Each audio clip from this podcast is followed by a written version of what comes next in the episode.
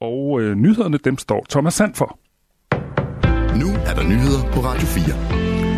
Nordic Waste har i en række dokumenter sendt til blandt andet Miljøstyrelsen omtalt fire specifikke parter som værende samarbejdspartnere, selvom virksomheden aldrig har arbejdet sammen med dem.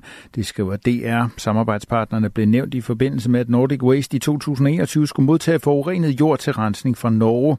I to dokumenter sendt til den pågældende norske kunder og Miljøstyrelsen omtalte Nordic Waste blandt andet to specialiserede virksomheder, Aquarden Technologies og Teknologisk Institut som samarbejds partner. men begge afviser over for DR at have samarbejdet med Nordic Waste. Det samme gør de to andre parter, entreprenøren Gustav H. Christensen og virksomheden Fortum Recycling og Waste. I et skriftligt svar erkender den tidligere ledelse i Nordic Waste, der under konkursbehandling, at det var en fejl at omtale parterne. Der var en tæt dialog om disse projekter, men det var en fejl af os at skrive, at det var etableret et formelt samarbejde, lyder det til DR. Nordic Waste blev erklæret konkurs 22. januar og har siden ikke haft ansvarsforpligtelse for oprydningen af det massive jordskred, der for alvor tog fart på virksomhedens grund ved Ølst i løbet af december sidste år. Selvom kun en fjerdedel af stemmerne er talt op i demokraternes primærvalg i delstaten Michigan, er det tydeligt, at særligt en tendens adskiller sig fra tidligere år. Der er ifølge det amerikanske medie CNN allerede over 34.000, som har stemt blankt, som altså hverken foretrækker præsident Joe Biden eller repræsentant Dean Phillips som sit partis kandidat til præsidentvalget i november. Til sammenligning var der ved hver af de sidste to primærvalg i delstaten ca. 20.000, der stemte blank, skriver New York Times. Og det var vel at mærke med samtlige af stemmerne talt op. Stemmeromtællingen er stadig i gang, og det er nu svært at sige, hvad det store antal blanke stemmer skyldes. I tiden op til demokraternes primærvalg i delstaten har der dog været medvind for den arabisk anførte bevægelse Hør på Michigan.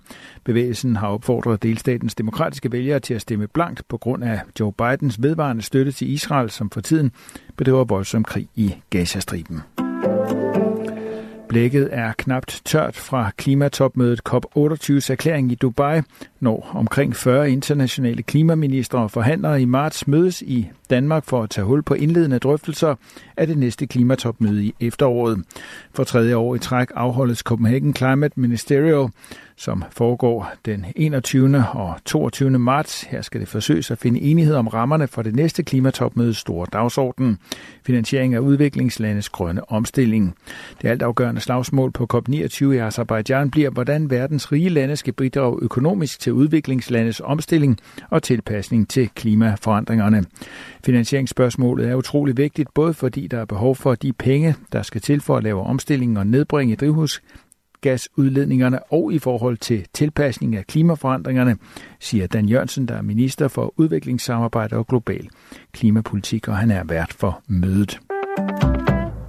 Der er planlagt glansdækkende strækker på tværs af Grækenland i dag, som er årsdagen for en togulykke, som sidste år kostede 57 livet. Der er endnu ikke kommet en endelig forklaring på præcist, hvad der skete under ulykken, ligesom det stadig ikke står klart, hvem der eventuelt kan holdes ansvarlig for den. Det er den række af medarbejdere, der ventes at strække utilfredse med. De efterforskere, der laver en officiel undersøgelse af ulykken, har fået en tidsfrist til den 8. marts. De ansatte ventes at gennemføre en 24-timers strække sammen med medlemmer af en række andre fagforeninger. Herunder ansatte i flyvekontroltjenesten, taxachauffører og medarbejdere inden for offentlig transport, som også protesterer mod høje leveomkostninger. Sydkoreas fødselsrate, som allerede er verdens laveste, er i 2023 faldet til en ny bundrekord. Det gennemsnitlige antal børn, der kan forventes for en sydkoreansk kvinde i den fertile alder, er faldet til 0,72. Det viser tal fra den offentlige myndighed Statistics Korea, ifølge nyhedsbruget Reuters. Det er fire år i træk, at raten falder. I 2022 lå den på 0,78. Siden 2018 har Sydkorea været det eneste land i OECD, Organisationen for Økonomisk Samarbejde og Udvikling, hvis rate ligger på under 1. Landets regering har gjort det til en væsentlig national prioritet at forsøge at vende udviklingen for den faldende fødselsrate. I december lovede regeringen at finde på ekstraordinære tiltag til at håndtere situationen. Samtidig har landets største partier sagt, at de vil etablere flere almene boliger og gøre det lettere for befolkningen at optage lån, fordi de vil dæmpe frygten for en national udryddelse. I dag skyder en overgang diset med lidt regn eller finregn vestfra, men i løbet af dagen klarer det noget op fra nordvest, og i Jylland er der mulighed for lidt sol ud på eftermiddagen. Vi får temperaturer i dag op mellem 4 og 9 grader. Du lytter til Radio 4.